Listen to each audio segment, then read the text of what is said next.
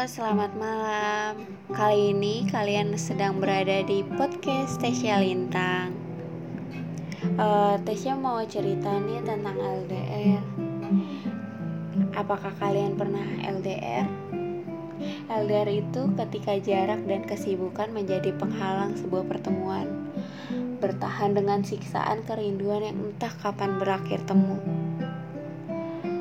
Aku mencoba mengerti ada beberapa hal yang lebih penting dibandingkan aku dalam kehidupannya. Saat ini ku telah mengerti segala kesibukan dia yang tak bisa kuawasi. Kamu dengan siapa? Sedang di mana? Apa yang telah kamu lakukan hari ini? Semua pertanyaan ini terlintas begitu saja saat dia belum memberi kabar. Namun, rasa percaya ini tak pernah hilang untuknya.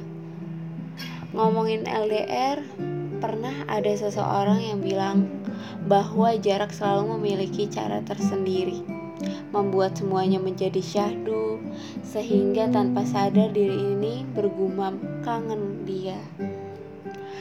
Buat kalian yang LDR, percayalah Walaupun rindu tak selalu berujung temu, setidaknya doa kalian selalu menyertainya. Selamat malam.